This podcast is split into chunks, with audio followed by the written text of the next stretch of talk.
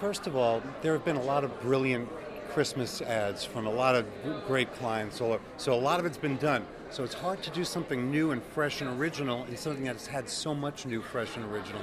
And it's the, that ground has really been trod. So that was awesome. I mean, what a twist. Um, and it also was compassionate and empathetic. And it was also flawlessly executed. Perfect. Everything was perfect. Like, you know, when you're creative, you look at things, you think, well, I would have, there's nothing I would have. Acted, writing, shot, edited. And um, of course, it was a very surprising story. And um, skinny Santa Claus.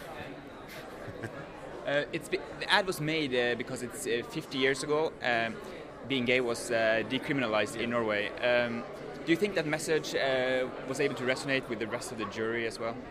Oh yeah, we, it was very clear. That's the other thing about it. There was no wondering what it was about. It was very clear on, on the nose, and yet kept you engaged.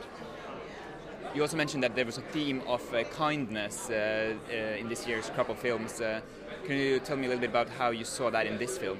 Well, um, empathy is, is kindness, acceptance is kindness. And uh, when it came to the Grand Prix, um, you had two to give out. Uh, it didn't end up in Norway this year. what do you think made this film stop short of elevating itself to that? The film height? didn't stop short, but the other piece is actually asked, you know, sold things. You know, please watch this, please buy this.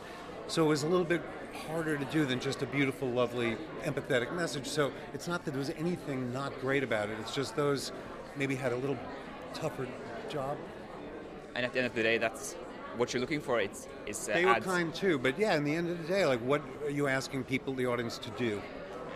And uh, those are tough things to get people to do. Right. Well, thank you very much. Great. Congratulations. Congratulations, Norway.